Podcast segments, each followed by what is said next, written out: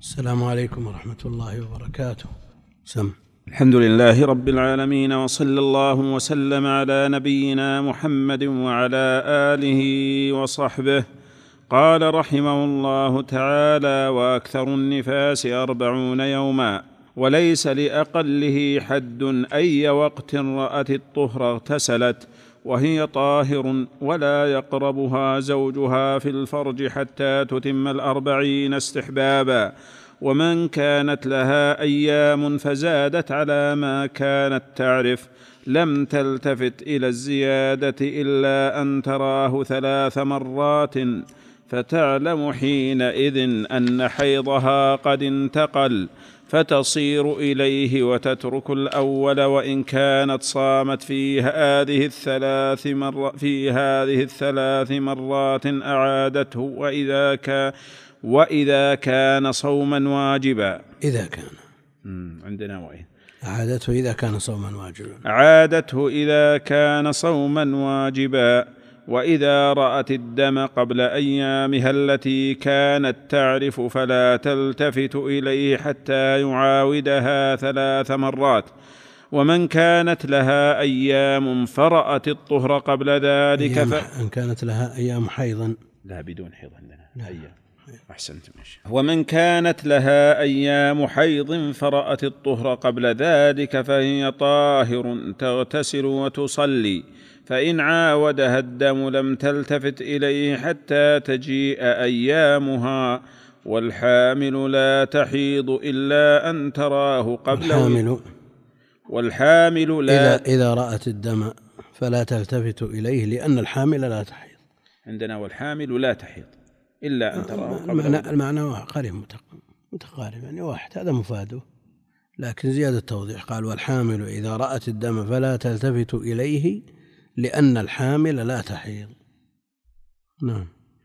إلا أن تراه قبل ولادتها بيومين أو ثلاثة فيكون دم نفاس وإذا رأت الدم ولها خمسون سنة فلا تدع الصلاة ولا الصوم وتقضي الصوم احتياطا. فإن رأته بعد الستين فقد زال الإشكال وتيقن أن و تيق- وتيقن أنه ليس بحيض فتصوم وتصلي ولا تقضي والمستحاضة إن اغتسلت لكل صلاة فهو أشد ما قيل فيها وإن توضأت لكل صلاة أجزأها والله أعلم. الحمد لله رب العالمين وصلى الله وسلم وبارك على عبده ورسوله نبينا محمد وعلى آله وصحبه أجمعين.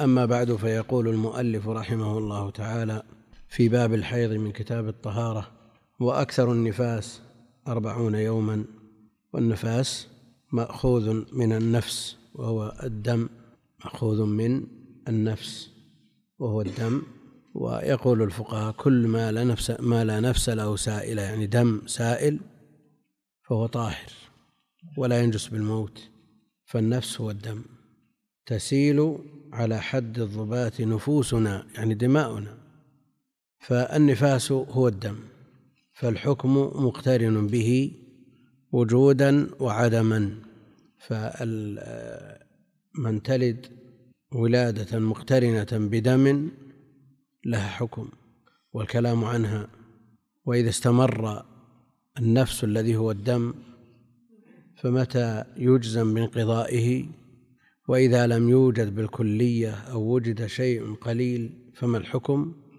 يقول المؤلف رحمه الله تعالى وأكثر النفاس أربعون يوما أكثر النفاس أربعون يوما. ولا شك أن هذا هو غالب نفاس النساء وأنه لا يزيد على الأربعين. ومقتضى كلامه أنه إذا زاد عن الأربعين ولو يوما واحدا أنها تغتسل وتصلي ما لم يصادف وقت عادة فيكون حيضا.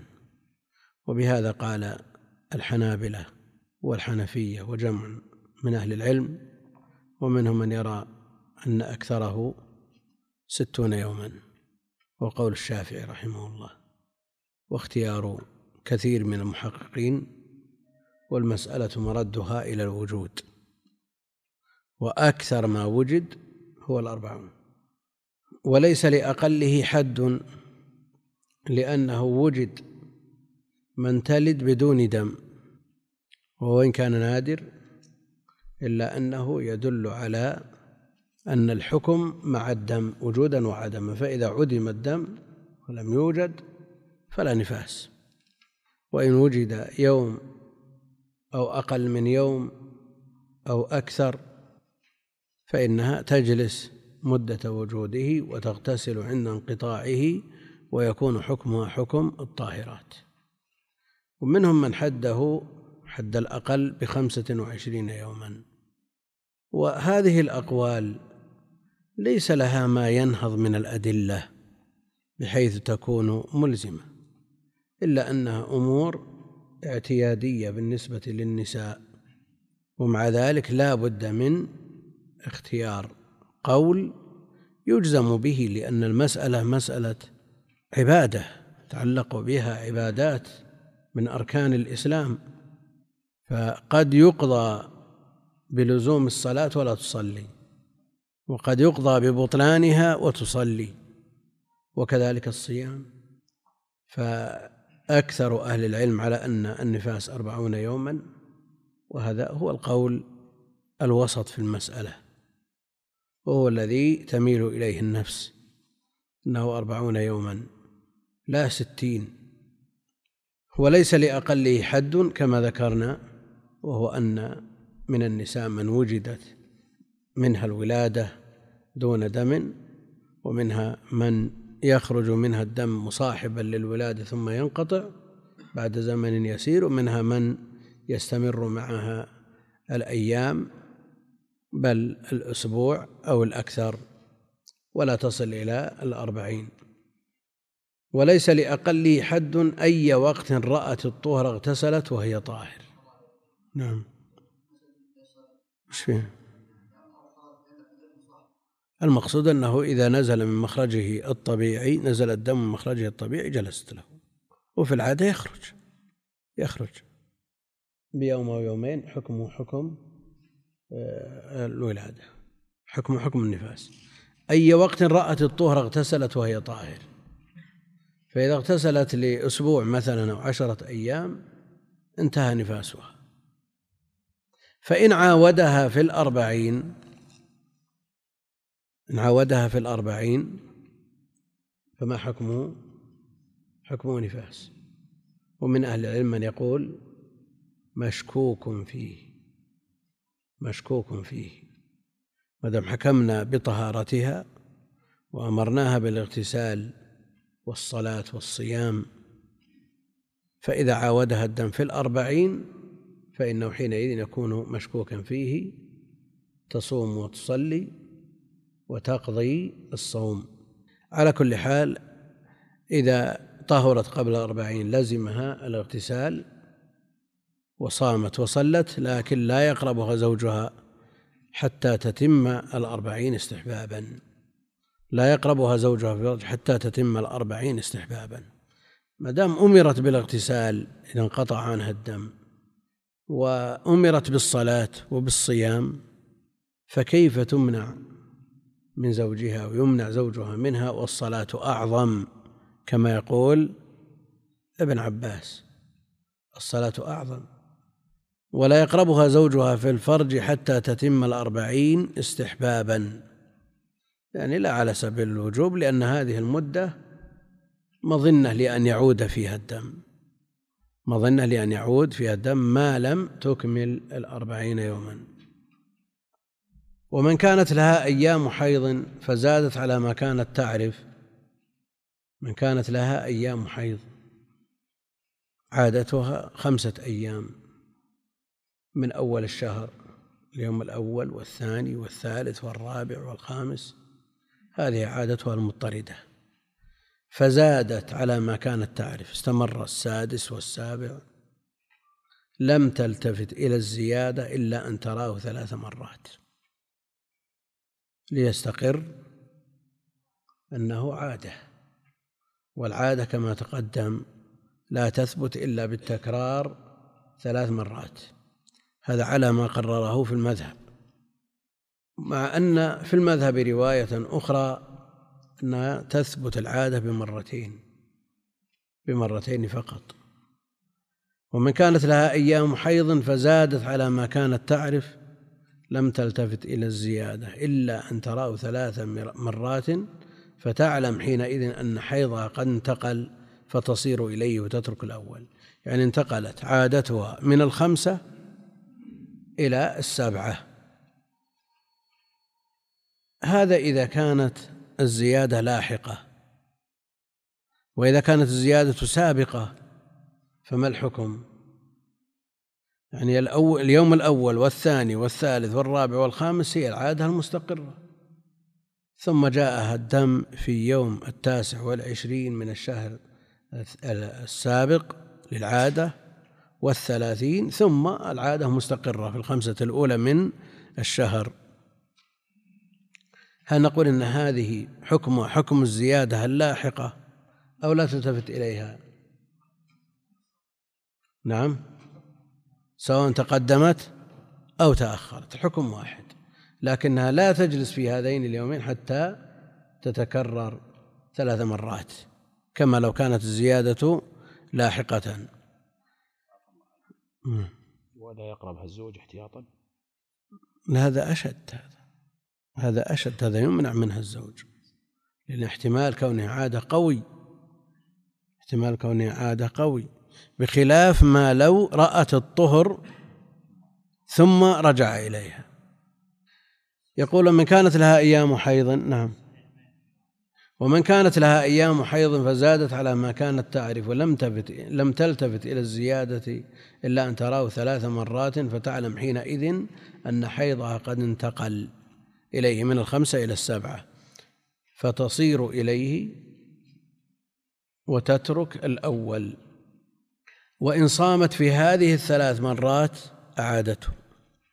يعني صامت في اليومين الزائدين على عادتها المقررة بخمسة أيام سواء كان كانت الزيادة قبل العادة أو بعدها تقدمت أو تأخرت فإن صامت في هذه الثلاث مرات أعادته.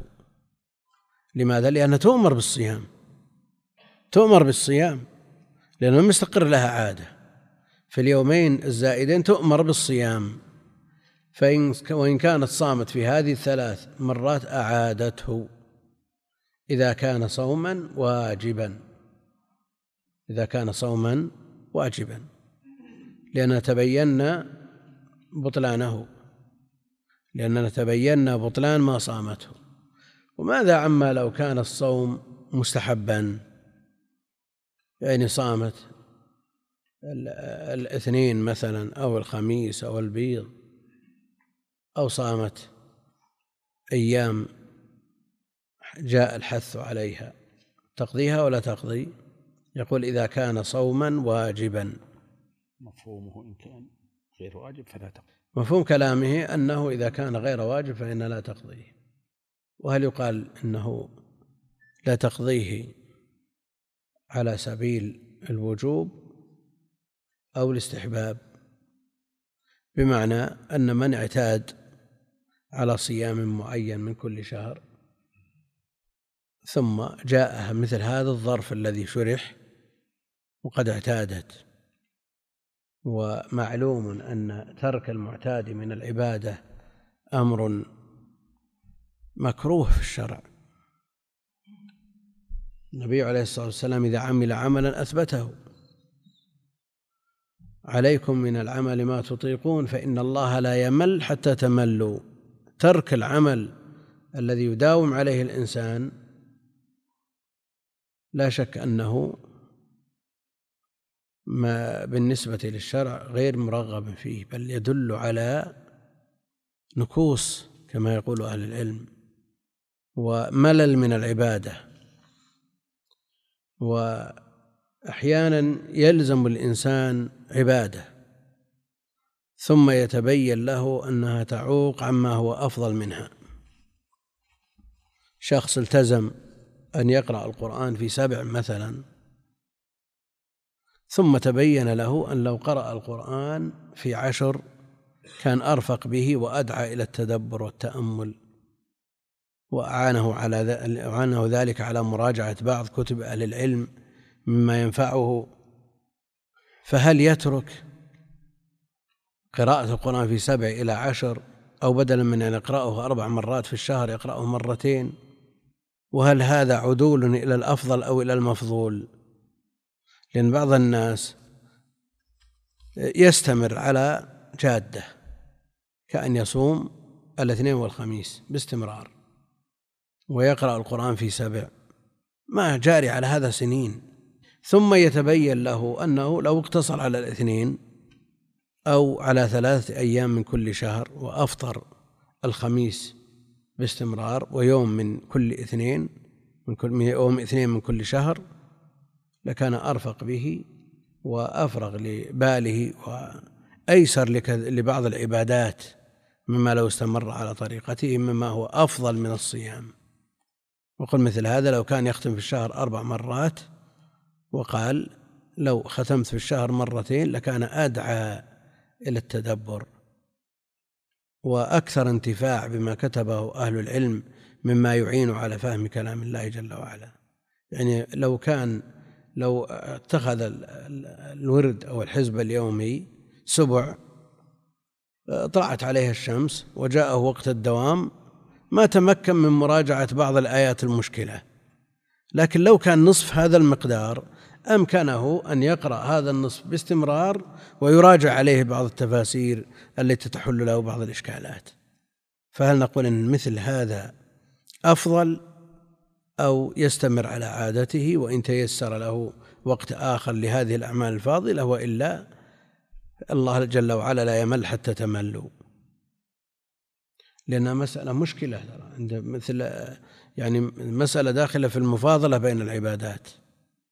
وفي المفاضلة بينها غموض لأن بعض الناس قد يقول أترك الجادة التي سلكتها من سنين لأتمكن مما يعينني على فهم كلام الله ثم لا هذا ولا هذا. يترك نصف قراءته ولا يراجع لأن الشيطان حريص مجرد ما يجد فرصة يهجم على الإنسان.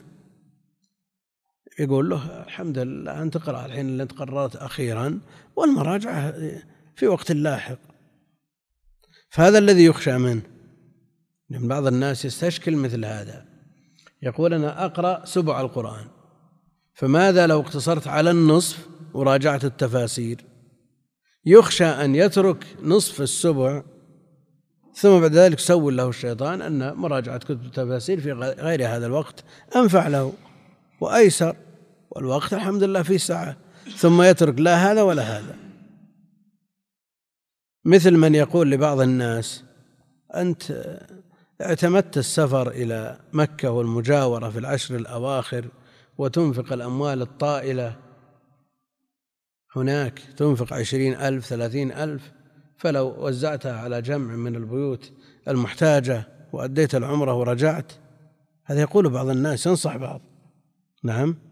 ثم بعد ذلك يأخذ بهذه النصيحة فيترك المجاورة ولا يوزع شيء. وهذا حاصل. والشيطان حريص على مثل هذه الفرص يستغلها. فإذا كانت المرأة قد اعتادت نعم إذا كانت المرأة قد اعتادت أنها تصوم من كل شهر الاثنين والخميس فجاء الاثنين وصار في هذه الأيام التي لم تستقر فيها العادة صامتا نقول تقضيها ولا تقضيها. لأنه قال إذا كان الصوم واجبا أما على سبيل اللزوم والوجوب فهذا ما فيه إشكال ولا يقول به أحد. إلا عند من يقول بوجوب القضاء عند من أفطر من غير عذر في صوم النفل وهذا معروف عند الحنفية. عند الحنفية إذا أفطر مطلقا من عذر ومن غير عذر الذي يقول بالعذر المالكية. يقول إذا أفطر هو صائم نفل إن كان لعذر جاز عند المالكية. وأما بالنسبة للحنفية فلا بد من القضاء سواء كان لعذر أو لغير عذر. والحنابلة والشافعية ما عندهم إشكال المتطوع أمير نفسه. فهذه صامت هذه الأيام نفلا دخلت فيها تطوعا من غير إلزام ثم تبين أنها باطلة. فهل يقال إن مثل هذا كما لو أبطلتها؟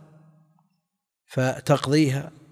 لا أحد من أهل العلم في مثل هذه الصورة يقول بالوجوب وإن كان من باب الاستمرار على العمل الذي التزمه الإنسان على نفسه كما قضى النبي عليه الصلاة والسلام راتبة الظهر بعد العصر يعني في وقت النهي لأنه التزم ذلك. فالأمر فيه سعة لكن الوجوب لا يقول به أحد. في الصورة التي ذكرناها يعني من كان معتادا لحزب من القرآن فأراد أن يتخفف منه هل نقول إن هذا ترك ومل من العمل الصالح؟ ودخل في حديث فإن الله لا يمل حتى تملوا مع عزمه على التعويض بأمر قد يكون أهم وأنفع له. أو شخص اعتاد أن يقرأ القرآن في سبع وهو لم يحفظ القرآن. فقال لو أقتصر في لمدة سنة على ورقة واحدة بدلا من أربعة أجزاء وزيادة أقرأ ورقة واحدة أردده حتى أحفظه وبعد سنة أرجع إلى منهج الذي سرت عليه.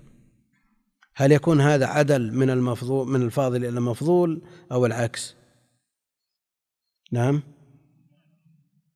يعني أهل العلم لا سيما الكبار مثل أحمد والأئمة يرون أن القراءة من المصحف أفضل من القراءة عن ظهر قلب. فكونه يقرأ السبع من المصحف ويعدل عنه إلى ترديد صف ورقة واحدة هذا بالنسبة له فاضل ولا مفضول؟ اللهم إلا إذا قلنا أن الاعتبار بالحروف وترديده لهذه الورقة يعادل قراءة السبع فالأجر واحد. فيكسب الحفظ ويكسب القدر المرتب على الحروف من الأجر. وعلى كل حال من أمكنه أن يحفظ فلا يعدل بالحفظ شيئا لأن التلاوة يعني أمرها ميسور. فما حفظه في هذا الوقت بإمكانه أن يردده طول اليوم ويكسب الأجور ولا يكون حينئذ ناكصا عن ما اعتاده من العبادة. كيف؟ تنوع العبادات أمر مقرر في الشرع. تنوع العبادات من تلاوة إلى ذكر إلى صلاة أمر مقرر في الشرع. لكن هل الأفضل بالنسبة للمعتكف في ليالي العشر أن يمسك المصحف من يسلم إلى أن يأتي وقت السحور أو يصلي آه، عشرات الركعات إلى أن يأتي السحور أو يذكر الله؟ قالوا التنويع أفضل له. قراءة في المصحف يقصد يعني. لا لا لا لا لا. قراءة في المصحف مختلف فيها. في الصلاة مختلف فيها من أهل العلم من لا يجيزها فكيف يقال بالمفاضلة؟ لا ما يقصد من هذا. يقول رحمه الله وإذا رأت الدم قبل أيامها التي كانت تعرف الصورة الأولى فيما إذا كانت الزيادة لاحقة. والصورة التي تليها فيما إذا كانت الزيادة سابقة. وإذا رأت الدم قبل أيامها التي كانت تعرف فلا تلتفت إليه حتى يعاودها ثلاث مرات. يعني لا تلتفت إلى الدم حتى يعاودها ثلاث مرات كاللاحقة سواء بسواء. نعم. كيف؟ دم متوقف فيه حتى يعا... متوقف فيه متوقف فيه حتى يتقرر ويتبين أمره. إن لم يعد مرة ثانية فهو فساد وإن عاد فهو حيض. وإذا كانت صامت في الأيام السابقة وتقرر بالتكرار ثلاثا أنه حيض كما تقدم تعيده تعيد الصيام. ومن كانت لها أيام حيض كانت لها أيام حيض فرأت الطهر قبل ذلك. يعني عادته سبعة أيام. فلما نزل عليه الدم في اليوم الأول والثاني والثالث ثم انقطع. ثم انقطع. ومن كان لها أيام حيض فرأت الطهر قبل ذلك فهي طاهر تغتسل وتصلي. فإن عاودها الدم فلا تلتفت إليه حتى تجيء أيامها. إذا انقطع الدم قبل انتهاء العادة ثم عاد. منهم من يقول أنها متى رأت الطهر فهي طاهر. ولو كان الزمن قليلا يعني أقل من يوم. ومنهم من قال لا يحكم بطهارتها حتى تكمل يوم وليلة. ومنهم من يقول إنها ما زالت في حيضها ما لم تر القصة البيضاء. ولو رأت نقاء. وكانت عائشة تقول تأمرهن بالتريث حتى ترين القصة البيضاء. يقول ومن كانت لها أيام حيض فرأت الطهر قبل ذلك فهي طاهر تغتسل وتصلي. فإن عاودها الدم فلا تلتفت إليه حتى تجيء أيامها.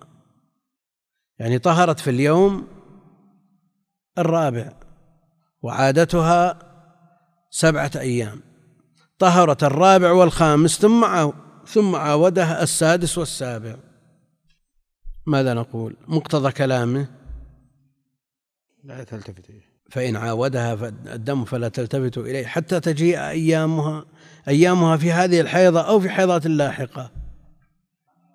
اللاحقة بكلامه لكن ماذا عن التلفيق؟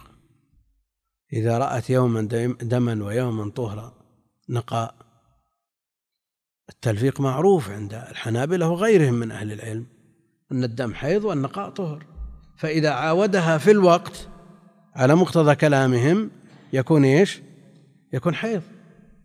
فإذا عاودها في وقت عادتها يكون حيضا على مقتضى كلامهم.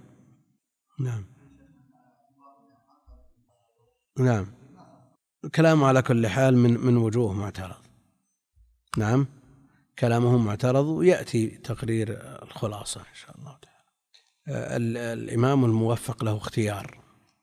في مثل هذه المسائل يربط الحكم بالدم وجودا وعدما. ولعل الشيخ طلعوه لنا ونشوفه.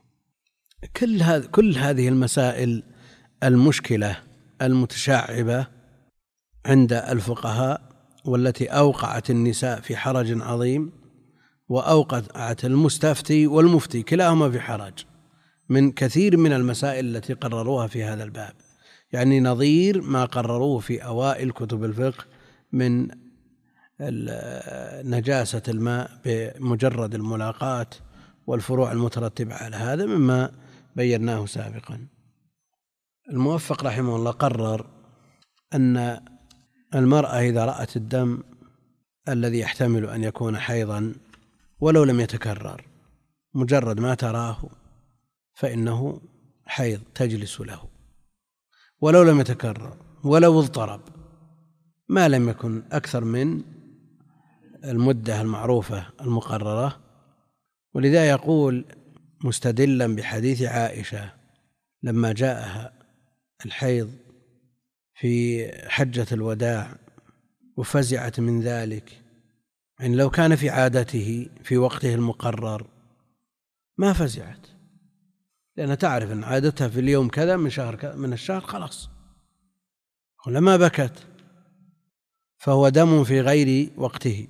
وقال لها النبي عليه الصلاة والسلام افعلي ما يفعل الحاج غير أن لا تطوفي بالبيت. وأيضا من حاضت معه في فراشه وانسلت يعني رأت الدم وما في ما يدل على أنها في وقت عادتها أو قبله أو بعده. المقصود أن الموفق ربط الحكم بالدم وجودا وعدما. فكل ما يحتمل أنه حيض يعني ما يصل إلى حد الاستحاضة فهو حيض. لأن أمر النساء بالصلاة والصيام في وقت الحيض مع أنهما يحرمان عليها في غاية الحرج الحرج الشرعي. ثم بعد ذلك أمرها بقضاء الصوم الواجب مع أنها صامت. هذا أيضا حرج. فإما أن يحكم عليها بأنها طاهرة وعباداتها مجزئة أو يحكم عليها بأنها حائض فلا تصح من هذه العبادات. لأن الاحتياط في مثل هذا دونه خرط القتاد. يعني تأمر امرأة يحرم عليها الصيام بأن تصوم ثم بعد ذلك إذا صامت تلزمها بالقضاء. مثل هذا ما يرد على كلام الموفق ولا على كلام شيخ الإسلام ولا جمع من أهل التحقيق يرون مثل هذا. أن النفاس هو الدم والحيض هو الدم هو الأذى. فمتى وجد الدم فوجد الأذى. ووجد الاعتزال ووجد ترك الصوم الصلاة والصيام. وجدته شيء هذا ما تعنونه. وين؟ هذا أقوى عندي. نعم إيه. وفي هذه المسألة. نعم. وقال الشافعي. وقال الشافعي جميعه حيض ما لم تتجاوز أكثر الحيض وهذا أقوى عندي لأن عائشة رضي الله عنها كانت تبعث يعني ولو لم يتكرر. لأن جميع حيض ولو لم يتكرر. نعم. لأن عائشة رضي الله عنها كانت تبعث إليها النساء بالدرجة فيها الصفرة والكدرة فتقول لا تعجلن حتى ترين القصة البيضاء ومعناه لا تعجلن بالغسل حتى ينقطع الدم وتذهب الصفرة والكدرة ولا يبقى شيء يخرج من المحل بحيث إذا دخلت فيه قطنة خرجت بيضاء ولو لم تعد الزيادة ولو لم تعد الزيادة ولو لم تعد الزيادة حيضا للزمها الغسل عند انقضاء العادة وإن كان الدم جاريا لأن الشارع علق على الحيض أحكاما ولم يحده فعلم أنه رد الناس فيه إلى عرفهم والعرف بين النساء أن المرأة متى رأت دما يصلح أن يكون حيضا اعتقدته حيضا ولو كان عرف هذا مريح. أيوه نعم.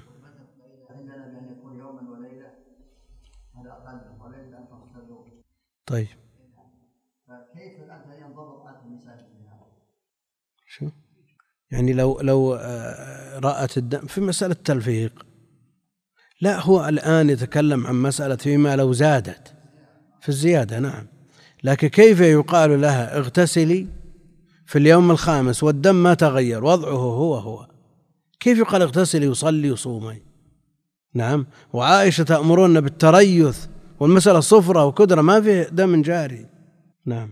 لأن الشارع علق على الحيض أحكاما ولم يحده فعلم أنه رد الناس فيه إلى عرفهم والعرف بين النساء أن المرأة متى رأت متى رأت دما يصلح أن يكون حيضا اعتقدته حيضا. ولو كان عرفهن اعتبار العادة على الوجه المذكور لنقل. ولم يجز التواطؤ على كتمانه مع دعاء الحاجة إليه ولذلك لما كان بعض أزواج النبي صلى الله عليه وسلم معه في الخميلة فجاءها الدم فانسلت من الخميلة فقال لها النبي صلى الله عليه وسلم ما لك؟ أنا في استقالة. نعم فأمرها أن تأتزر. ولم يسألها النبي صلى الله عليه وسلم هل وافق العادة أو جاء قبلها. ولا هي ذكرت ذلك ولا سألت عنه وإنما استدلت على الحيضة بخروج الدم فأقرها عليه النبي صلى الله عليه وسلم. وكذلك حين حاضت عائشة في عمرتها في حجة الوداع إنما علمت الحيضة برؤية الدم لا غير. ولم تذكر عادة ولا ذكرها لها النبي صلى الله عليه وسلم والظاهر أنه لم يأتي في العادة. والظاهر أنه لم يأتي في العادة لأن عائشة استكرهته واشتد عليها وبكت حين رأته وقالت وددت أني لم أكن حججت العام ولو كانت لها عادة تعلم مجيئه فيها وقد جاء فيها ما أنكرته ولا صعب عليها ولو كانت العادة معتبرة على الوجه المذكور في المذهب لبينه النبي صلى الله عليه وسلم لأمته ولا ولما وسعه تأخير بيانه إذ لا يجوز تأخير البيان عن وقته وأزواجه وغيرهن من النساء يحتجن إلى بيان ذلك في كل وقت فلم يكن ليغفل بيانه وما جاء عنه عليه السلام وما جاء عنه عليه السلام ذكر العادة ولا بيانها إلا في حق المستحاضة لا غير. وأم وأما امرأة طاهر ترى الدم في وقت يمكن أن يكون حيضا ثم ينقطع عنها فلم يذكر في حقها عادة فلم يذكر في حقها عادة أصلا. ولأننا لو اعتبرنا التكرار فيما خرج عن العادة أدى إلى خلو نساء عن الحيض بالكلية مع رؤيتهن الدم في زمن الحيض وصلاحية أن يكون وصلاحية أن يكون حيضا. نعم لأنه لا يتكرر ثلاثا. تراه في هذا الشهر أو تكون عادتها ثلاثة أيام مثلا. ثم في الشهر الذي يليه تكون خمسة. في الشهر الذي يليه تكون يومين. في الشهر الثالث والرابع تزيد أو تنقص. لا يتكرر عليها شيء. وحينئذ لا نحكم عليها إلا بالأقل لأنه هو الذي يتكرر. نعم. لا سيما في زمننا كثر الاضطراب يا شيخ. بلا شك. الآن كثرة المؤثرات والموانع صار لها أثر في التقديم والتأخير والاضطراب والانقطاع والانفجار وغيره. نعم. بيانه أن المرأة إذا رأت الدم في غير أيام عادتها وطهرت أيام عادتها لم تمسك عن الصلاة ثلاثة أشهر فإذا انتقلت في الشهر الرابع إلى أيام أخرى لم تحضها أيضا ثلاثة أشهر وكذلك ابدا فيفضي إلى إخلائها من الحيض بالكلية ولا سبيل إلى هذا. فعلم هذا فعلى هذا القول تجلس ما تراه من الدم قبل عادتها وبعدها ما لم يزد على أكثر الحيض فإن زاد على أكثره علمنا أنه استحاضة فرددناها إلى عادتها ويلزمها قضاء ما تركته من الصلاة والصيام فيما زاد على عادتها لأننا تبينا أنه ليس بحيض إنما هو استحاضة. فصل. يكفي. يعني ما قرروا في المسألة الأخيرة أن المرأة يمكن أن تمكث السنين وليس لها عادة وتلزم بالصلاة والصيام مع أن الدم ينزل منها ويمكن أن يكون حيضا. ففي شهر محرم نزل عليها الدم في الأسبوع الأول. في شهر صفر لا سيما إذا قلنا بعد لابد من تكرار ثلاث خلوا في شهر صفر في, في الأسبوع الأول. في ثم في شهر ربيع في الأسبوع الثاني. وربيع الثاني في الأسبوع الثاني. وجماد الأولى في الأسبوع الثالث. ورجب في الأسبوع الثالث. يعني ما فيش تكرر ثلاثة. إلا الآن ما بعد ما ما تلزم بجلوس. لأنه ما تكرر. ما تلزم إلا بأقل الحيض. نعم؟ لأن هذا لا يحتاج إلى تكرار أقل الحيض. وتجلس وينزل عليها الدم مدة أسبوع في مد في سنة كاملة ولا تلزم بالجلوس لأنه لم يتكرر بل لا يزال متغيرا أو أكثر من ذلك. إذا كان لا يزال متغيرا ما صار عادة. في موضعه هي في موضعه وتغير في الزيادة والنقص هذا كله لا شك أنه آه، فيه حرج على النساء وفيه أيضا آه، إخلال بهذين الركنين من أركان الإسلام. فإما أن تصوم وهي حائض أو تترك وهي طاهر. فلا شك أن آه، إرجاع الحكم والتعويل فيه على وجود الدم وعدمه طهارة وحيضا لا شك أنه أرفق بالناس وأولى أن يعتمد عليه لأنه هو الوصف المؤثر الوارد في النصوص. هو الوصف المؤثر الوارد في النصوص. نعم. ويصلح أن يكون حيض. ولم يتجاوز مجموع أكثر الحيض يكون ما في معنى شو اللي يمنع؟ يكون حيض. تصلي. شو؟ إيه إذا حضت ثلاث مرات بشهر؟ قالوا. وقصة شريح مع علي رضي الله عنه حينما قال له قال إن جاءت بامرأتين من ثقات نسائها خرجت من العدة. قال له قالون ها؟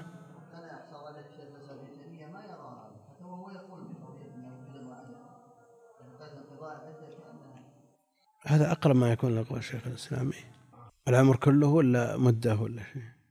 يعني خمسة عشر يوم طهر وخمسة عشر يوم دم إذا زاد عن عن أكثر من النصف عن الخمسة عشر يعد نعم استحاض دم فساد. على كلامهم إذا رأت يوم طهر ويوم حيض يوم طهر يوم حيض ويوم النقاء يوم دم ويوم النقاء فالدم حيض والنقاء طهر. ولعلنا نأتي بخلاصة في صفحة وصفحتين في الأسبوع القادم تجمع أطراف الموضوع إن شاء الله. إذا انتهينا. من قبل الدخول في كتاب الصلاة. يقول رحمه الله تعالى والحامل إذا رأت الدم فلا تلتفت إليه لأن الحامل لا تحيض. يقول عندنا زيادة من الأصل ليست موجودة في آه، بعض النسخ لكنها موجودة في الأصل الذي اعتمدوا عليه.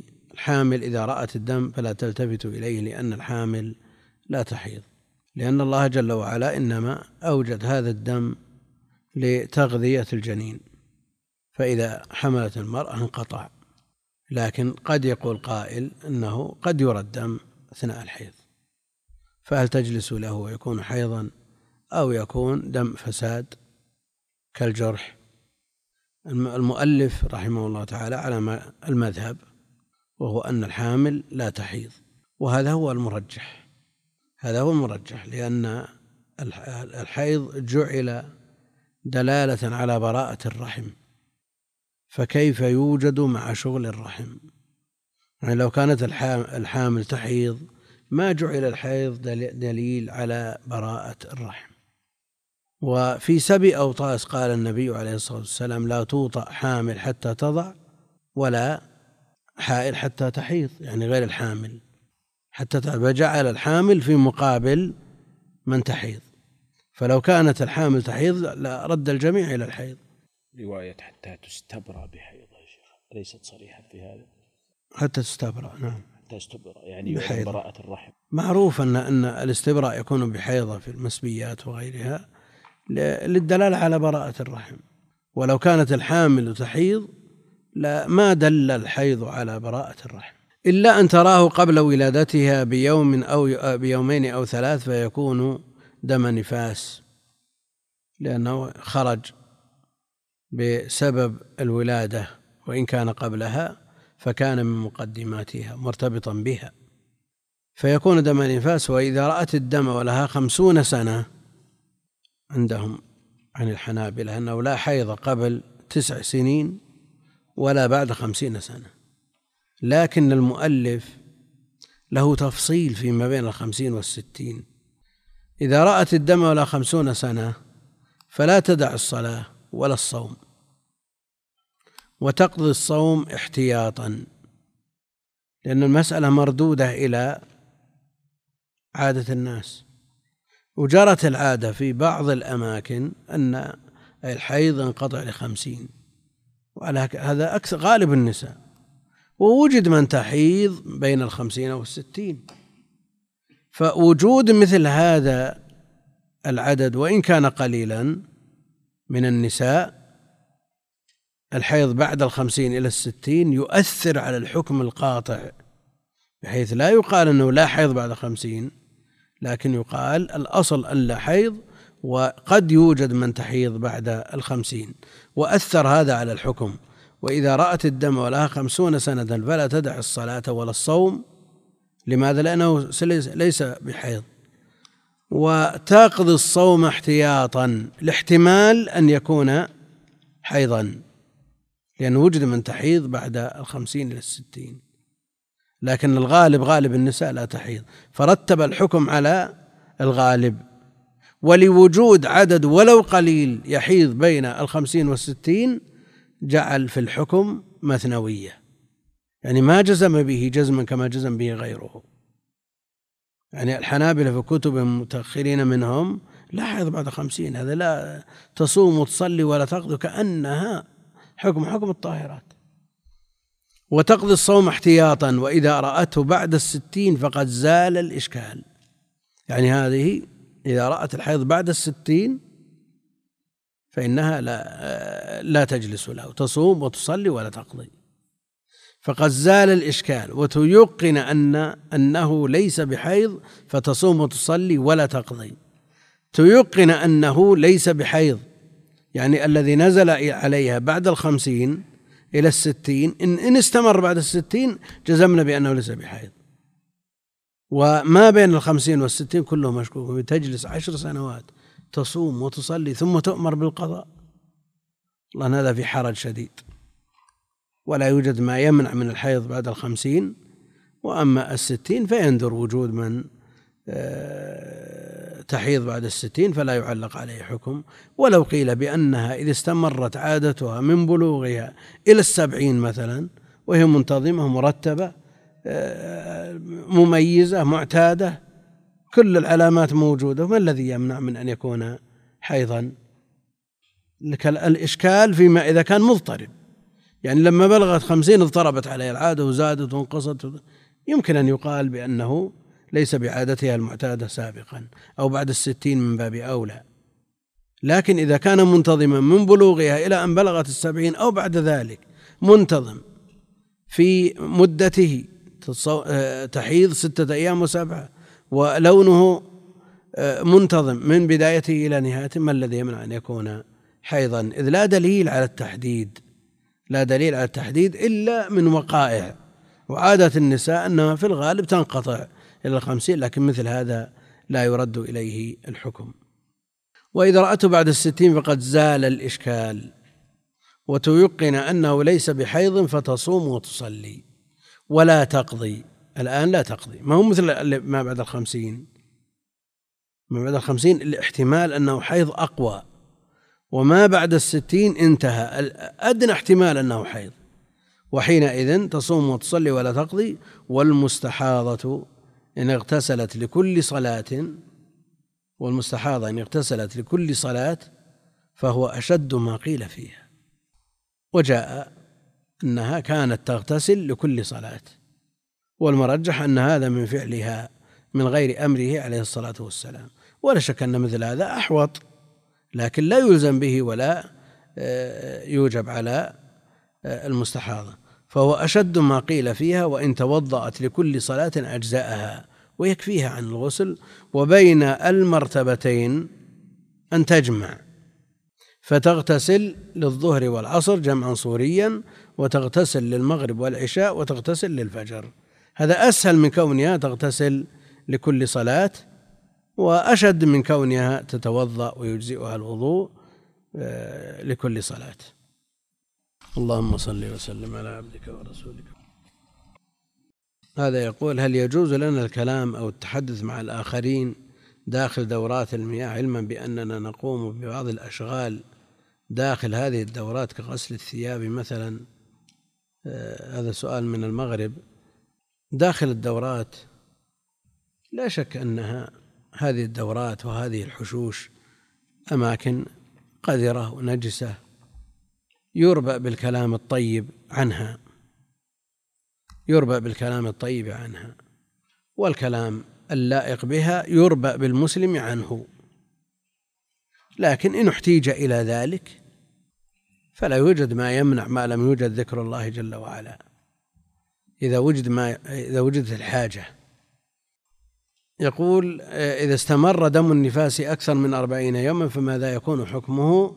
هل يكون استحاضة؟ نعم يكون استحاضة عند أهل العلم. إلا إذا كان وقت الزيادة وقت حيض فيكون عادة حيض. هل يجوز للحائض أن تقرأ أو تمس القرآن؟ مس القرآن لا تمس القرآن. لا يجوز لها أن تمس القرآن. وقراءتها عن ظهر قلب مسألة مختلف فيها من أهل العلم بل أكثر العلم على أن حكم حكم الجنوب. لا تقرأ شيئا من القرآن. ويفتى الآن من قبل بعض العلماء أنه لا بأس بقراءتها للقرآن لا سيما إذا احتاجت إليه من معلمة أو متعلمة. أما إذا خشيت النسيان فالأمر فيه أشد. يقول سمعت أن الأرض تطهر من نجاسة البول إذا جفت بتأثير الشمس فهل لا بد من تأثير الشمس أم مجرد الجفاف ما صحة هذا القول؟ الجمهور على أن الأرض لا تطهر إلا أن يهراق عليها الماء كما فعل النبي عليه الصلاة والسلام ببول الأعرابي أهريق عليه ذنوبا من ماء أو سجلا من ماء فلا تطهر إلا بذلك وأما الجفاف فلا يكفي. وإن قال به الحنفية ومال إليه شيخ الإسلام رحمه الله وأن الشمس تطهر عندهم. حديث إقبال الكلاب وإدبارها وأنهم كانوا لا يرشون شيئا. هذا في الصحيح. كانت الكلاب تقبل وتدبر في مسجد رسول الله صلى الله عليه وسلم. في رواية وهي من رواية الصحيح وتبول. لكن هذه الرواية مشكوك فيها. ليست يعني من الروايات عند الأربعة الرواة المعتمدين من رواية الصحيح. ومع ذلك حديث بول الأعرابي ما في شك أنه صريح في الباب. يقول زوجتي جاءتها الدورة الشهرية في بداية شهر رمضان واستمرت معها ثمانية أيام وطهرت من ذلك وبعد مضي خمسة أيام جاءها دم مشابه للدورة الأولى ولا يزال مستمرا معها وصلت وصامت فما حكم صلاتها وصيامها. إذا كانت عادتها آه، السابقة لهذا الشهر المعتادة عندها هي الثمانية الأيام والثمانية لون دمها هو دم عادتها فلا تلتفت إلى ما ينزل عليها بعد انقطاعه وطهرها. يقول بالنسبة لاسترجاع الطفل على ملابس أمه هل هو نجس وهل إذا صلت بهذا الثوب عدة صلوات هل تعيد الصلاة وإذا غسلته وكانت على وضوء هل يبطل وضوءها؟ ولما آه، يخرج من جوف الإنسان من القي بالنسبة للكبير نجس عند عامة أهل العلم وأما بالنسبة للصبي فحكمه عند كثير من أهل العلم حكم بوله إذا استقر في معدته نجاسة مخففة ومنهم من يقول بطهارته لأنه أخف بكثير من البول ونضحه وإزالته هو الأحوط إذا صلت بهذا الثوب عدة صلوات هل تعيد الصلاة؟ لا تعيد الصلاة لا سيما إذا كانت جاهلة بالحكم لكن عليها أن تنضحه بالماء مستقبلا. وإذا غسلته وكانت على وضوء هل يبطل وضوءها؟ لا لا يبطل الوضوء. يقول إذا توضأت المرأة التي ينزل منها السائل مستمرة لصلاة فرض هل يصح لها أن تصلي ما شاءت من النوافل أو قراءة القرآن بوضوء ذلك الفرض إلى حين الفرض الثاني؟ نعم يجوز لها ذلك لكن عليها أن تتحفظ بحيث لا يتعدى هذا النازل الموضع. آه، وهل لها أن تصلي بوضوء الفجر صلاة الضحى أم ينتقد ذلك الوضوء ويلزمها الإعادة؟ على كل حال يقولون يتوضأ لوقت كل صلاة لوقت كل صلاة. إذا أحست المرأة بألم الدورة هل يلزم منها ترك الصلاة مع تيقنها بأنها آلام الدورة أم تصلي لحين نزول الدم؟ الحكم معلق بنزول الدم وخروجه من موضعه. وقد تحس بالآلام ولا ينزل الدم إلا بعد يومين لا لا لا تترك الصلاة ولا الصيام حتى يخرج الدم. هذا كتاب اسمه التداوي بالاستغفار. لحسن بن أحمد بن حسن همام. يقول سلسلة من روافد الطب البديل التداوي بالاستغفار. اطلعت على الكتاب اطلاعا سريع. فيه فوائد وفيه حث على الاستغفار وذكر النصوص الواردة والآثار المترتبة. كلام طيب يعني في الجملة ما فيه إشكال إن شاء الله تعالى. يستفاد من الكتاب. هذه تقول أنا معلمة أدرس في منطقة تبعد 120 كيلو. ما حكم ذهابي مع السائق مع مجموعة من النساء؟ إلى هذه المنطقة بدون محرم وهل علينا إثم في ذلك حيث إننا مضطرين للعمل؟ السفر بدون محرم حرام والبحث عن الرزق بالوسائل المحرمة سبب للحرمان. ولو أن أصاب الإنسان ما أصاب من الرزق فإنه محروم البركة بركة هذا الرزق ولو لم يكن في ذلك إلا الإثم. العظيم المرتب على السفر بدون محرم. فمائة وعشرين كيلو هذا سفر. هذا السفر عند عامة أهل العلم والسفر بدون محرم حرام وجاءت بذلك النصوص الصحيحة الصريحة. ومائة وعشرين كيلو متر تقدر عندهم في السابق بثلاثة أيام لأن اليوم أربعين كيلو متر. ومسيرة يومين قاصدين ثمانين كيلو متر ومائة وعشرين ثلاثة أيام. يقول أهل العلم ولو قطعها في ساعة. مسافة القصر سفر. ولو قطعها في ساعة.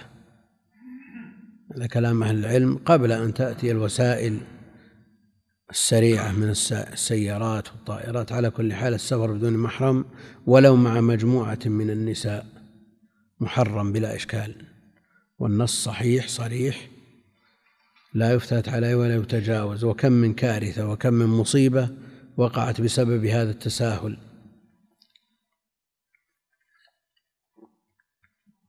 وترتب على هذه الأسفار أيضا آثار سيئة للغاية. فتجد سائق السيارة يدور في أحياء المدينة كالرياض مثلا من منتصف الليل يجمع هؤلاء النسوة من الأحياء. ويترتب عليه أيضا تأخير صلاة الفجر لأن السائق يقول لا أستطيع أن أقف بمفردي مع مجموعة من النسوة لا يأمن على نفسه وعليهن علما بأنه لو أمنت كل هذه الأمور فالسفر لذاته محرم بدون محرم وما عند الله لا ينال بسخطه. يقول هل يجوز رفع اليدين في خطبة الجمعة عندما يدعو الإمام بنزول الغيث بالاستسقاء؟ في خطبة الاستسقاء ترفع اليدين كما في الصحيح ويلحق بها الدعاء للاستسقاء في آخر خطبة الجمعة لأن الخطبة حينئذ تكون انتهت. هذه من فرنسا أم جويرية تقول هل يجوز لي بعد أن أنتهي من أداء العمرة والحج أن أعتمر عن أحد من أهلي الذين توفوا كجدي مثلا أو غيره في نفس السفرة؟ لا مانع من ذلك. لا مانع من أن يعتمر الإنسان أكثر من عمرة في سفرة واحدة. على أنه ينبغي أن يفاضل بين العبادات لا يفوت عبادة أفضل من هذه العبادة من العمرة. فلا يفوت ما هو أفضل منها وإذا لم يترتب عليه ذلك فلا مانع إن شاء الله تعالى فإن عائشة رضي الله عنها اعتمرت مرتين في سفرة واحدة العمرة التي مع حجها والعمرة التي أفردت بعد الحج. نعم. نعم. نساء ورجال ما في معنى نساء شقائق الرجال ها؟ من أدنى الحل؟ إذا أنشأت عمرة جديدة من مكة فمن أدنى الحل إما من التنعيم أو من عرفة أو ما أشبه ذلك. ما حكم العمل في البنوك وبالتحديد في قسم تسويق الفيزا والقروض بفائدة؟ هذه لا تحتاج إلى سؤال. قروض بفائدة يعني ربا. هذه لا تحتاج إلى سؤال. هذا التعاون على الإثم والعدوان إذا لم يكتب ولم يشهد أو يباشر العقد. لكن إن باشر العقد أو كتب أو شهد فالأمر أعظم من ذلك. فهو ملعون نسأل الله السلامة والعافية. أما إذا كان في محل من البنك لا يباشر هذه الأمور فلا شك أن العمل محرم لا إشكال في تحريمه واللعن خاص بمن يعقد وبمن يشهد أو يكتب. يقول هل صحيح أن عمر كان يضرب ويؤدي ويؤدب وينهى عن زواج المسيار؟ وأرجو بيان حكم زواج المسيار وهل يصح الزواج العرفي؟ هذا من مصر. يعني عمر يضرب ويؤدب وينهى عن زواج المسيار. إن كان قصده أن عمر يؤدب من يتزوج خفية ولا يعلن الإعلان الشرعي هذا هو متجه. فإن عمر يضرب بالدرة على أقل من هذا. أما زواج المسيار بوضعه ووصفه الحالي الموجود فإن كان متوافر الشروط والأركان وعقد عقدا شرعيا بحضور الولي والشهود وفيه المهر وإن تنازلت المرأة عن بعض حقوقها فالأمر لا يعدوها. هل يصح الزواج العرفي؟ الزواج العرفي إذا كان عندهم الزواج غير الموثق بالوثائق الرسمية. يعني يحضر الولي والشهود يحضر الولي والشهود ويعقد بينهم بالإيجاب والقبول. هذا زواج شرعي ليس بعرفي زواج شرعي. والكتابة والتوثيق في الأوراق الرسمية قدر زائد على ذلك. نعم. إيه من مصر. شو يقول؟ إيه.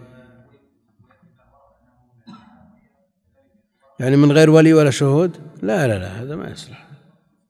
ها؟ إي لا, لا شرح لنا مرارا. الزواج عرفيا ما في توثيق رسمي بس. لا قد توجد الصورة التي تذكرها أنت. عند بعض من ينتسب إلى مذهب أبي حنيفة لا سيما من العوام. يرون المذهب أبي حنيفة لا يحتاج إلى ولي. نعم.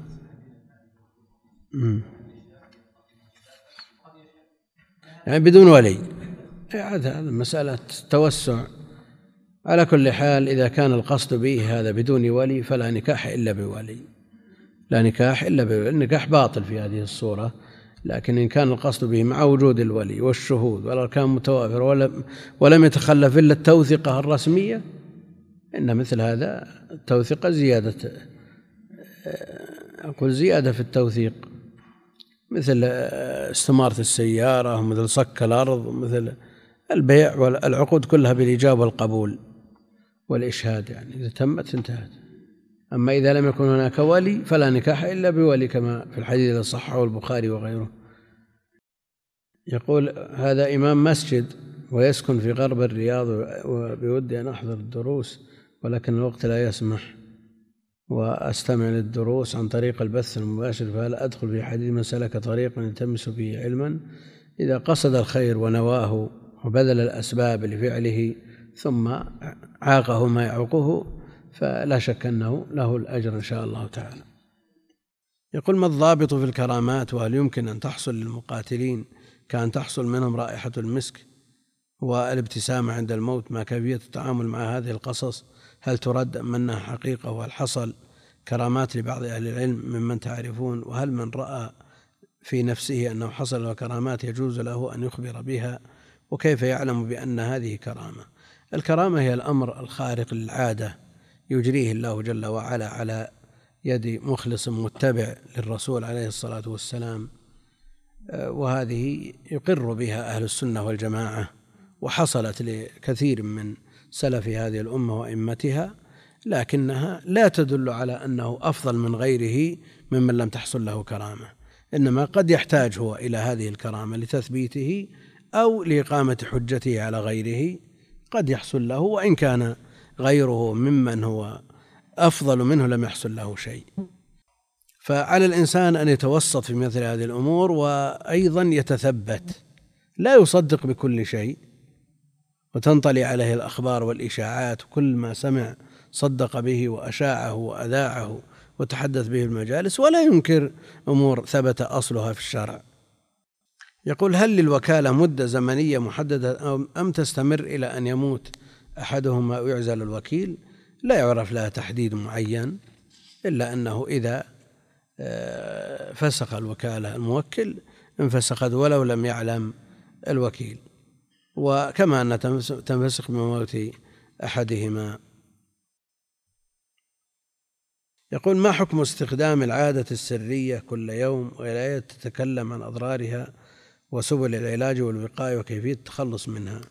المرجح أن استعمال العادة السرية محرم لأنه جاء في موضعين من القرآن والذين هم لفروجهم حافظون إلا على أزواجهم أو ما ملكت أيمانهم فقط ولا طريق ثالث.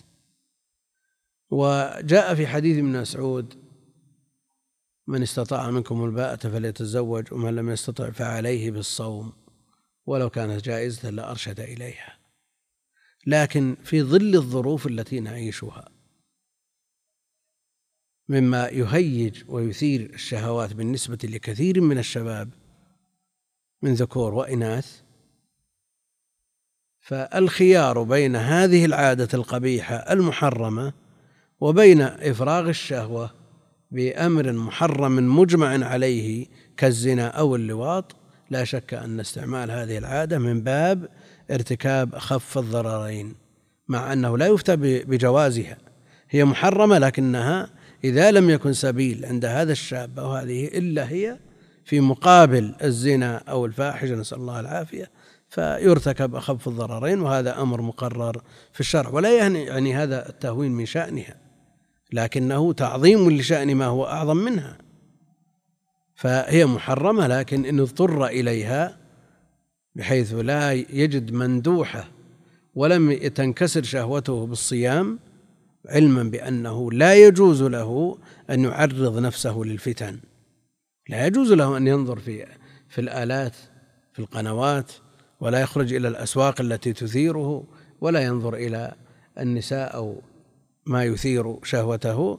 كل هذا يجب عليه أن يجتنبه ويبتعد عنه فإذا حصل له شيء من غير قصد وثارت شهوته بحيث لا يستطيع آه، إمساكها إلا بتفريغ هذه الشهوة إما بهذا أو بهذا فالعادة أسهل بكثير من الفاحشة لأن من أهل العلم من يطلق الكراهة والحنابلة عندهم كما في الزاد يقول ومن استمنى بيده لغير حاجة عزر فأمرها أخف بكثير من من الفواحش المجمع عليها. يقول هذا أبي يشتغل في التجارة وقد يأتي بالآلاف في أسبوع واحد. وهو غير متدين ولا يصلي في المسجد وينام عن الجمع ولا أدري من أين يأتي بكل هذا المال. ولا أستبعد أنه قد يكون بطريق حرام. فما حكمي وأنا آكل وأشرب وألبس من هذا المال؟ هذه كأنها امرأة تقول وأنا ما زلت طالبة لا أشتغل وإن لم آخذ من مال أبي فلا أدري من أين آخذ. فما حكمي؟ أكون ممن لا يستجاب لهم.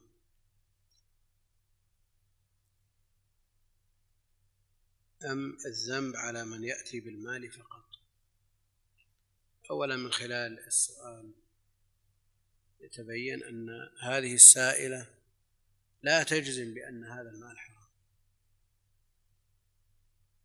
لا تجزم بأن هذا المال حرام.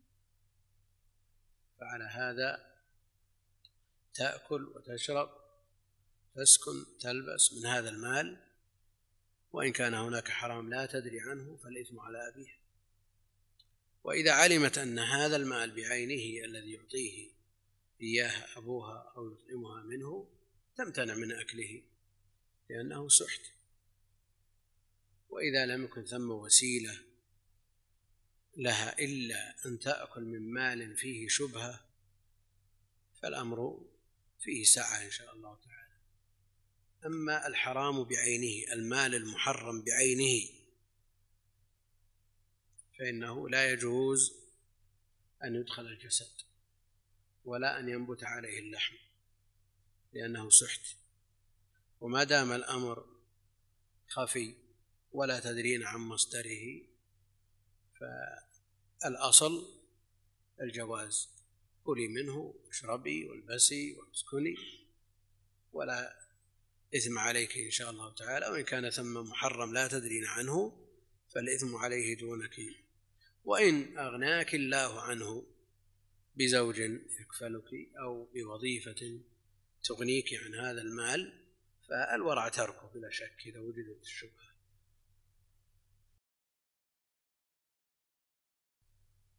هذا يقول لماذا قدم الرسول الكريم عليه الصلاة والسلام تغيير المنكر باليد في قوله صلى الله عليه وسلم من رأى منكم منكرا فليغيره بيده مع أن المطلوب أولا الدعوة إلى الله بالتي هي أحسن. هذا سبق أن أجبنا عنه عرض قبل ذلك وقلنا أنه أن التغيير لا يعني الضرب باليد فليغيره بيده معنى لا تضربه بيدك. إنما عليك أن تحول بين المنكر وبين من أراد اقترافه بيدك إذا أمكن. أن تحول بينه وبينه. وتمنعه من ارتكابه. لا أن تضربه. فإن امتثل وكانت لك القدرة عليه وسبق أن ذكرته وخوفته ونصحته وأرشد وأرشدته ووجهته فلم يمتثل ولك قدرة عليه فلك أن تعزره بما يناسب. لا يعني أن تغيير المنكر باليد هي ضرب المرتكبه مباشرة لا. إنما دورك أن تحول بينه وبين المنكر بيدك إن أمكن. إن لم تستطع فبلسانك وإن لم تستطع فبقلبك.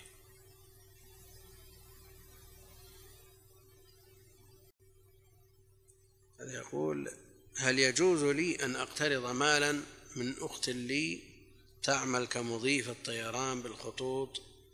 وقد نصحتها خطوط خارجية ليست سعودية. على كل حال العمل في المطارات في الطيارات لا شك أنه أولا هو في الجملة مقترن بمحرمات من تبرج ومخالطة للرجال. وفي جملته مختلط بهذا وأيضا هو عرضة للفتن من قبل الرجال ومن قبل النساء.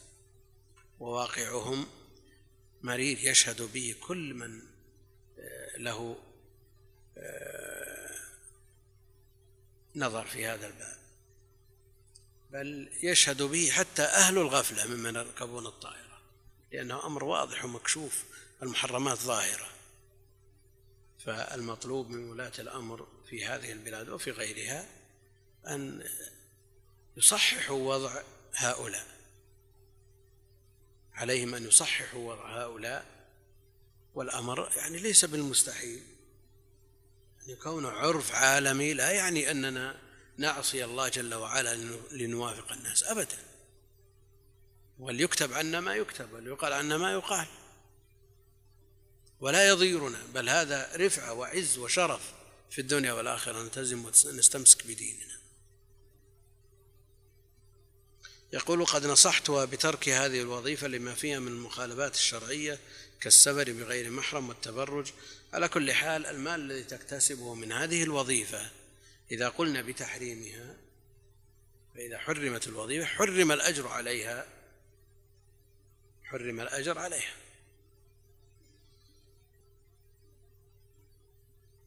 وإذا حرم عليها وعرفت أن هذا المال ليس لها دخل غيره ليس لها كسب حلال غير هذا المال فلا تقترض منه.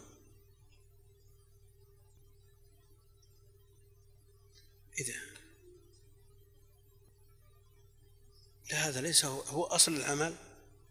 يعني تعاقد مع امرأة أن يدرسها الأجرة باطلة لأنه عمل على محرم. يقول ما رأيكم بكتب الغزالي أبي حامد وعبد الوهاب الشعراني أتقرأ أم الأفضل لطالب العلم اجتنابها؟ وهل من كتب الرقاق ما تنصحون به؟ أولا كتب الغزالي أسهل من كتب الشعراني في الجملة.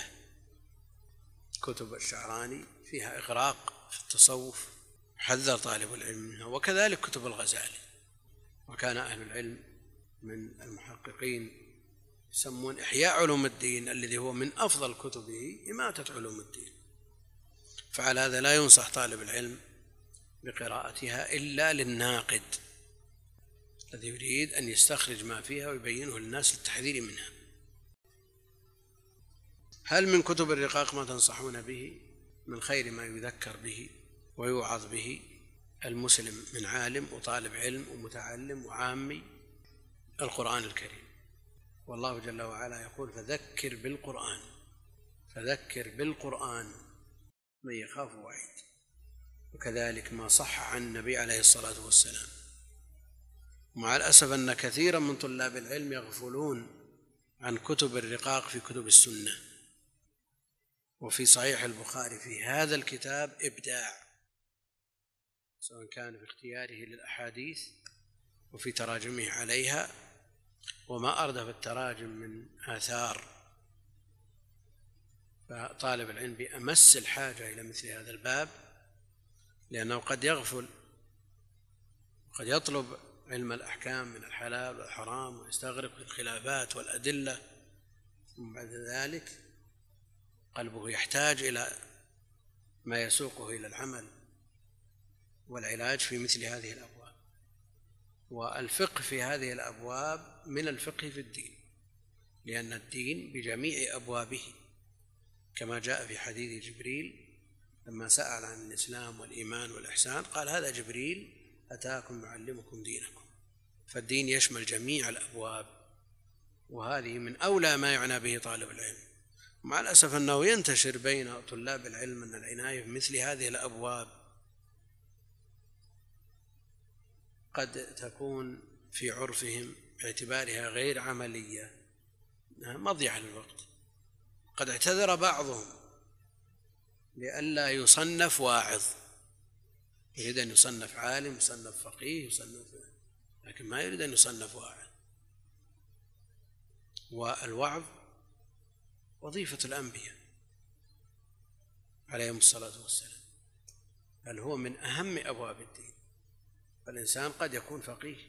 تلاحظ عليه تقصير تلاحظ عليه تجاوز لكنه مع ذلك أغفل مثل هذه الأبواب التي تدفعه إلى العمل.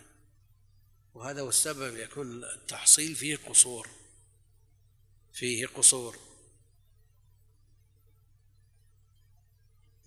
أيضا كتب ابن القيم رحمه الله فيها ما ينفع طالب العلم. فيها ما يعالج أمراض وأدواء القلوب فيعتنى بها. كتب ابن رجب كذلك فيها نفع عظيم وفيها نفس السلف. سم. كتب ابن الجوزي فيها فيها نفع وفيها أيضا مخالفات عقدية. تقرأ بحذر تقرأ بحذر. وفيها أيضا اعتماد على أحاديث قد يبني بابا كاملا على الأحاديث الموضوع الإشكال أنه يوجد في التبصرة أحاديث بنى عليها أبواب وذكرها في الموضوعات. لا شك أن هذا خلل. فالدين إنما يبنى على ما ثبت عن النبي عليه الصلاة والسلام. يقول يلاحظ اليوم ومن قبل أن الطالب يأتي للطلب ثم يذهب ولم يخرج إلا بكتاب. يعني يأتي طالب العلم إلى الرياض ليدرس في كلية الشريعة مثلا ثم يقول أنا جئت لطلب العلم لماذا لا أحضر دروس فلان؟ ثم تنتهي الأربع السنوات وقد أنهى كتابا واحد أو نصف كتاب أو يأتي والكتاب مضى منه ربعه الأول أو نصفه الأول. ثم يبدأ بكتاب ثاني فيؤخذ منه ربعه الأول ثم ينتهي ويعين خارج الرياضة ويعود إلى أهله. فماذا يصنع مثل هذا؟ يقول يلاحظ اليوم من قبل أن الطالب يأتي للطلب ثم يذهب ولم يخرج إلا بكتاب وربما لا يخرج. يقول كيف يتم يعني بقي له أبواب كيف يتمها إذا عاد إلى بلده؟ وكيف يربأ هذا الصدع؟ أو يرفع هذا الصدع الكبير بتغيير طريقة الطالب أم الشيخ؟ لا شك أن هذه مشكلة. مشكلة يعاني منها طلاب العلم ويعاني منها أهل العلم في وقتنا هذا. لا سيما مثل الرياض. الرياض ما أريد يأتيه الطلاب مؤقتا ويعودون. أما من هو من سكان الرياض يصبر على هذا الشيخ إلى أن ينتهي هذا الكتاب. ويبدأ بكتاب آخر يبدأ معه والحمد لله ما عنده مدة. لكن الذي يأتي للرياض أربع سنوات ومثل الخرقي هذا يحتاج إلى أكثر من ذلك. اللهم إلا إذا اقتضى النظر أننا نختصر لأنه كتاب مختصر. الأخوان اتفقوا على ذلك بحيث ينتهي الأمر إليهم. فإذا جاء طالب مثلا وقد أنجزنا ربع الكتاب ربع العبادات. وأنهيناه مع نهاية الأربع سنوات التي جاء الطالب يدرسها أو يدرس فيها. يقول كيف يعني هذا النقص وهذا الخلل كيف يكمله الطالب؟ أو حضر معنا من أول الدرس ثم بعد ذلك تخرج في الجامعة وعين خارج الرياض. كيف يكمل؟ الآن ولله الحمد الوسائل تخدم وسائل تخدم. الآن في الانترنت الناس يتابعون الذين يتابعون عبر الشبكة أكثر من الحضور وأسئلتهم ترد إلينا في وقتها ويجاب عنها فما فاتهم شيء. ومسألة الأشرطة والشروح المكتوبة والمسموعة والحمد لله يعني الأمر متيسر. فمثل هذا يكمل النقص. وعلى كل حال المسألة تحتاج إلى دراسة. وضع الدروس ووضع الدورات تحتاج إلى دراسة. كانت الدورات خبط عشواء يعني اشتركنا بدورات قبل عشر سنوات. يتصلون ويقول نبي الباب الفلاني من الكتاب الفلاني. الناس بحاجة طيب أول الكتاب وآخره قالوا يهمنا هذا. أو متن من المتون المختصرة أو شيء من هذا ثم يتصل جهة ثانية بنفس المتن. وثالثة كذلك. وما في تنظيم. وقبل أربع سنوات بدأ التنظيم. دورات منظمة مرتبة للمبتدئين تدرس فيها صغار المتون وآتت الثمار أتموها ولله الحمد. والدورة المنهجية للمتقدمين متوقع أن تنتهي بنهاية هذا العام. نعم يبقى بعض الكتب فيه شيء يسير يكمل. ما في كمال. فمثل هذا لا شك أنه ساعي إلى الأفضل ومن الحلول المناسبة لهذا. أيضا هناك دورة تأصيلية في العلوم الشرعية مدتها أربع سنوات رأيت إعلانها قبل وبعد يعني عرضت علي قبل ذلك قبل وشاركنا في تعديل بعض الأشياء. المقصود أنها تطوير لهذه الدروس. يعني خلال ثلاثة أيام مثلا يشرح الأصول الثلاثة. خلال شهر كامل يشرح كتاب التوحيد. هذا فتح. طيب. هذا ثم بعد ذلك تشرح الكتب تباعا خلال الأربع سنوات أو ثلاث سنوات أو ما أدري الله أظن أربعة فصول. المتون الأولى. في أربعة فصول ينتهى منها. أربعة فصول ثانية ونزل كتب أخرى. هذا طيب. الناس عرفوا قبل ذلك ورتبوا أمورهم وسجل معهم عدد كبير من طلاب العلم. من داخل الرياض وخارج الرياض. فهذا سعي إلى الأصلح بلا شك ويتلافى فيه هذه السلبية التي ذكرها الأخ. يبقى مسألة دروس المشايخ الكبار اللي هم سنين. كيف تأتي إلى الشيخ فلان وقد انتصف في كتاب؟ قبل ذلك نحتاج إلى تمييز بين ما يحضره الطالب وما لا يحضره. لما بدأنا بالمنتهى جاءتنا أسئلة واستشكالات واستفسارات من كثير من طلاب العلم.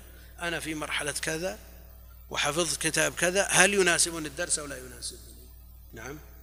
نعم يحضر معنا من حدود عشر سنوات شباب صغار كانوا في المعهد العلمي في السنوات الأولى والآن في المعهد العالي للقضاء أو انتهوا منه. وماشيين معنا يعني ما أشكل عليهم شيء. يشكل عليك في أول الأمر ثم تعرف طريقة الشيخ ويتكرر عليك هذا الكلام في الكتاب هذا وفي كتاب آخر ومرتين وثلاث تطلع بحصيلة. فالمتابعة وملازمة الشيخ لا بد أن تنتج بإذن الله. مع الحرص مع المتابعة مع التحضير مع صدق النية. شاب نابه نبيل في المرحلة المتوسطة أو أول الثانوي حضر. وذكي جدا. فحضر شهرين ثلاثة ثم انقطع. فسألت أباه وهو مسؤول كبير عندنا يعني له علاقة في تنظيم الدروس وفسحة ولا. فقلت لماذا انقطع فلان؟ قال والله يقول ما أفهم. لازمت ثلاثة أشهر ما فهمت شيء. قلت طيب الحل؟ هل بالإمكان أن يجعل دروس خاصة بالطلاب المبتدئين ويجعل لهم شيوخ خاصين؟ أو الشيخ الواحد يقسم وقته للمبتدئين والمتوسطين والمنتهين قال أنا فكرت وعجزت. نعم الشيوخ الكبار ما يمكن يعني تقسم أوقاتهم أو حتى قد لا يستطيع أن ينزل بأسلوبه إلى تعليم الصغار. قد لا يستطيع النزول لتعليم الصغار. ما يمكن. مشى على طريقة وعلى فهم معين وتعامل مع طلاب على مستوى معين ما يستطيع النزول. فما في هذا إلا أن يصنف المشايخ. هذا يصلح يتعامل مع الصغار فتجعل له دروس المبتدئين وهذا يصلح يتعامل مع المتوسطين وهكذا. فالإشكال الذي يذكره الأخ لا شك أنه واقع ومشكل يعني من سنين والبحوث تد... الحلول تدرس. وبدأت الحمد لله المسألة تنفرج ونسأل الله جل وعلا أن يتمم بخير. يقول ما حدود التعامل مع طالب علم يؤمن بعقيدة الأشاعرة؟ هل يهجر أم لا بد من مراعاة حقوقه خاصة إذا كان يربطني معه قرابة؟ وماذا عن القول بأن الحنابلة والأشاعرة كانوا يعيشون في تآلف؟ حتى جاء ابن تيمية وما صحة الرسالة المنسوبة للذهبي خاصة أن الذهبي لم يترجم لابن تيمية في السير. أما كونه لم يترجم له في السير فلم يترجم لأحد من شيوخه. الذهبي لم يترجم لأحد من شيوخه في السير وإنما أفردهم بمعجم خاص. ترجم فيه لشيخ الإسلام وغيره من الأئمة. هذه غير واردة يعني. وأما وجود التعايش بين الأشاعرة والحنابلة فالأشاعرة من طوائف المسلمين. بدعتهم ليست مكفرة. فيتعامل معهم بقدر ما معهم من حق. بقدر ما معهم من حق ويهجرون بقدر ما معهم من مخالفة.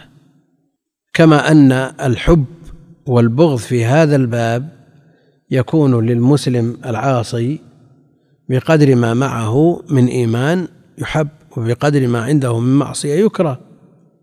فالتعامل على هذا الأساس وإذا وجد ما يقتضي التعاون معه في عدو مشترك في مقابلة عدو مشترك. لو جاء شخص أشعري وشخص من من أهل السنة والجماعة يقتدي بسلف هذه الأمة في جميع أبواب الدين وقالوا والله عندنا كتاب الكشاف فيه اعتزاليات خفية وقد يكون عند الأشعري من معرفة خفايا هذا المذهب أكثر مما عند صاحبه السني. وأراد أن يتعاون على الرد على تفسير الكشاف. كل واحد يمسكه من زاوية. هذا يحسن هذا وهذا يحسن هذا من اللي يمنع. لأنه في مقابلة عدو يختلفان مخالف يختلفان معه من وجوه كثيرة. وذكرنا مرارا أن أهل العلم يقبلون من الأشاعرة الرد على المعتزلة. ويقبلون من المعتزلة الرد على الجهمية ويقبلون من كل الطوائف الرد على اليهود والنصارى. الرد مقبول لأننا نحتاجه. فإذا كان على يد شخص مرضي من كل وجه هذا هو المطلوب.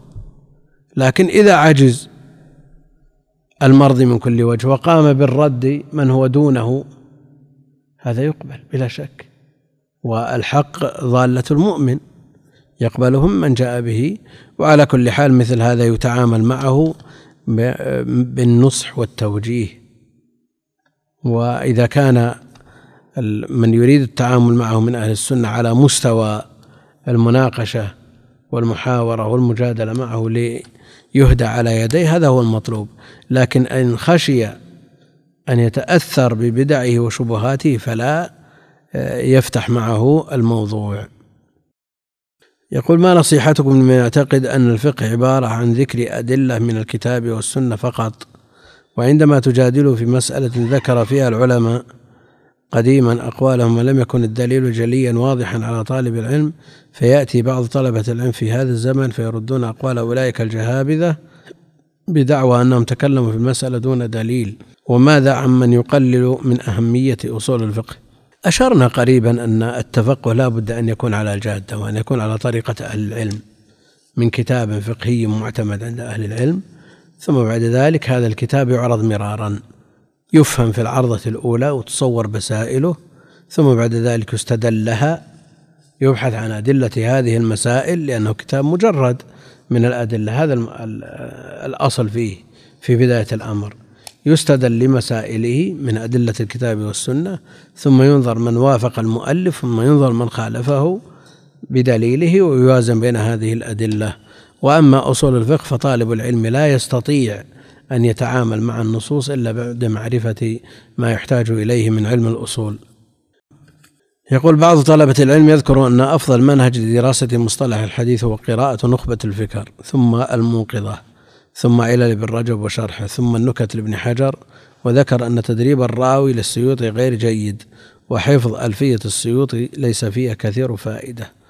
ذكرنا في مقدمة شرح النخبة أن الجادة أن يقرأ طالب العلم النخبة وإن ابتدأ قبلها بالبيقونية مع شروحها كان كانت أيسر له لأنها مختصرة جدا ويلم بأطرافها في يوم أو يومين ثم بعد ذلك يقرأ النخبة مع شروحها قرأها في أسبوع يعني خصص لها أسبوع كفى. وبعد ذلك يقرأ اختصار علوم الحديث الحافظ بن كثير ثم الألفية مع شروحها ثم بعد ذلك يقرأ ما شاء. هذا الترتيب الذي نراه. وأما النخبة ثم الموقظة هذه يبقى عليه أبواب كثيرة أنواع من علوم الحديث ما تمر عليه إذا اقتصر على الموقظة وعلل ابن رجب. فيه أنواع كثيرة جدا في ابن الصلاح وفروعه. ما توجد في هذه الكتب. فلا بد من المرور عليها ولو من خلال اختصار علوم الحديث الحافظ ابن كثير رحمه الله. ثم بعد ذلك الألفية ألفية العراقي مع شروحها ثم يقرأ ما شاء. أما تدريب الراوي فإنه لا شك أنه كتاب مبسوط في علوم الحديث وفيه نقول وفيه فوائد لكن فتح المغيث أفضل منه. ألفية السيوطي أيضا فيها فوائد كثيرة وفيها زوائد وفيها ترتيب مناسب لطالب العلم لكن ألفية العراقي أفضل منها بكثير. فيه؟ هذا ما ذكرنا مرارا. فائقة ألفية العراقي في في الجمع والإيجاز والتساق زادت عليها في عشرة أنواع تحفظ هذه العشرة. ومع ذلك يقتصر على ألفية العراقي لأن هذه الزيادات على حساب أشياء تركها من ألفية العراقي لأنها هي الأصل ألفية العراقي واقرأ كتابا تدري منه الاصطلاح كهذه يعني ألفيته أو أصلها يعني ألفية العراقي وابن الصلاح. يقول هل لديكم نية لشرح كتاب في أصول الفقه للمبتدئين؟ وهل تنصحون المبتدئ بسماع شرحكم المسجل على الورقات؟ نعم شرح الورقات موجود مسجل في خمسة عشر شريط وفي شيء بسط من شيء من البسط والتوضيح. يستفاد منه. ما هي الكتب التي تنصحون بها في أصول الفقه المعاصرين؟ ذكرت مرارا أن طالب العلم الذي يؤهل لأن يكون عالما لا يعتمد على كتب المعاصرين. فيقرأ في النخبة الورقات مع شروحها ثم يقرأ مختصر التحرير أو البلبل مختصر الروضة مع شرحه ثم بعد ذلك يقرأ آه، ما هو أطول منه. يقول ما القول الوسط في التمذهب؟ خاصة أن البعض يذكر أن سلبيات التمذهب أقل بكثير من سلبيات الفوضى الفقهية التي يعيشها بعض طلبة العلم. أولا التمذهب تقليد وطالب الطالب المبتدئ غير المتأهل حكمه حكم العامي فرضه التقليد. فالعامي يسأل أهل العلم والطالب المبتدئ يقرأ كتب أهل العلم ويعمل بها ما لم يجد نص يخالف ما دون في هذه الكتب أو يدله أحد على قول راجح ممن يثق بعلمه. المقصود أن فرضه فرض العامي التقليد يتمذهب في أول الأمر ثم بعد ذلك إذا تفقه على الطريقة التي شرحناها يصل إلى درجة التأهل. من أراد أن يبحث في مسألة فقهية بحث يستقصي فيه أقوال العلماء ويعمل دراسة وافية ما هي خطوات البحث. وما هي الكتب التي تساعده على دراسة المسألة الفقهية؟ يعني لا بد من مراجعة أقوال أهل العلم في المسائل مع أدلتهم. بواسطة الكتب التي تعنى ببسط الأقوال والأدلة كالمغني والمجموع وغيرهما. يقول أنا أوشكت على الانتهاء من كتاب سير أعلام النبلاء الذهبي. ما هي كتب التراجم التي تنصحون بقراءتها؟ بعد هذا الكتاب وكيف نستفيد من كتب التراجم والسير. أولا كتب التراجم هذه تشحذ الهمم للترقي في الطلب لأنه إذا عرف حال القوم لا شك أنه ينشط. لكن بعد السير يقرأ في الكتب الخاصة كتب البلدان كتاريخ بغداد وتاريخ دمشق وكتب الرواة كتب الفقهاء كتب القراء. يعني طبقات آه، المحدثين طبقات الفقهاء طبقات القراء وهكذا. يقول هل تنصحون بقراءة كتب الأدب لتحسين الملكة الأدبية عند طالب العلم وقراءة مؤلفات الجاحظ وأبي حيان التوحيدي وما هي الكتب التي ترونها مناسبة على كل حال تحدثنا عن كتب الأدب وأن فيها فائدة وفيها متعة أيضا واستجمام للعقل لأن شحذ العقل بمتين العلم باستمرار هذا لا شك أنه يورثه شيئا من الكلل والملل. فيقرأ في كتب التواريخ للاعتبار والادكار والاستجمام ويقرأ في كتب الأدب لتحسين العبارة على ما ذكر تحسين الملكة الأدبية عند طالب العلم ويقرأ الكتب التي هي أصول كتب الأدب. يبدأ بها كالبيان والتبيين وأدب الكاتب. وعيون الأخبار أو الأمالي لأبي علي القالي يجمع بين هذه الكتب ويقرأها. يقول ما أسباب قلة التأليف لديكم؟ وهل هناك كتب تحت الطبع؟ نعم هناك مشاريع وأشياء تحتاج إلى إعادة نظر خفيف وتخرج إن شاء الله. هل هناك من يفرق بين منهج المتقدمين والمتأخرين في الفقه على غرار التفريق بينهما في علم مصطلح الحديث؟ هل هذا القول صحيح؟ خاصة الاتهام للمتأخرين بالتساهل. نعم هذه الدعوة بالنسبة لعلم الفقه آه، ظهرت قبل الدعوة إلى التجديد في علم الحديث بعقود يعني قبل ثلاثين سنة أو أكثر. آه، نادى من نادى بنبذ كتب الفقه ونبذ أقوال الرجال والاعتماد على الكتاب والسنة. لكن آه، لا شك أن مثل هذا يخاطب به من تأهل لذلك. أما من لم يتأهل فلا بد أن يتفقه على الجادة. من كانت آه، قوة الحفظ لديه ليست عالية. هل ينصح بحفظ المتون كالزاد في الفقه وبعض المتون أم يكتفي بحفظ القرآن؟ يكتفي بحفظ القرآن والسنة. يكتفي بحفظ القرآن والسنة. وأما المتون فيعانيها معاناة تقرب من الحفظ تقرب من الحفظ بحيث يتصور المسائل في المتون في سائر الفنون ويراجع عليها الشروح ويسمع عليها الأشرطة ويفرغ ويسأل عما يشكل عليه ثم يضبطها بعد ذلك. من استمع إلى شروحات المشايخ عن طريق أشرطة فهل يعتبر طالب علم على العلم أنه لم يجلس عند مشايخ إطلاقا؟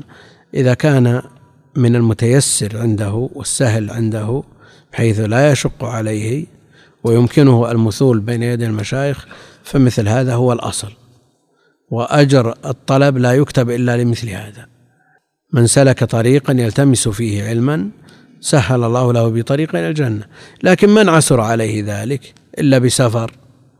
والسفر لا يتيسر له إما لقلة ذات اليد أو لرفض الوالدين مثلا فإن مثل هذا يكتفي بالأشرطة ويوفق إن شاء الله تعالى ويسدد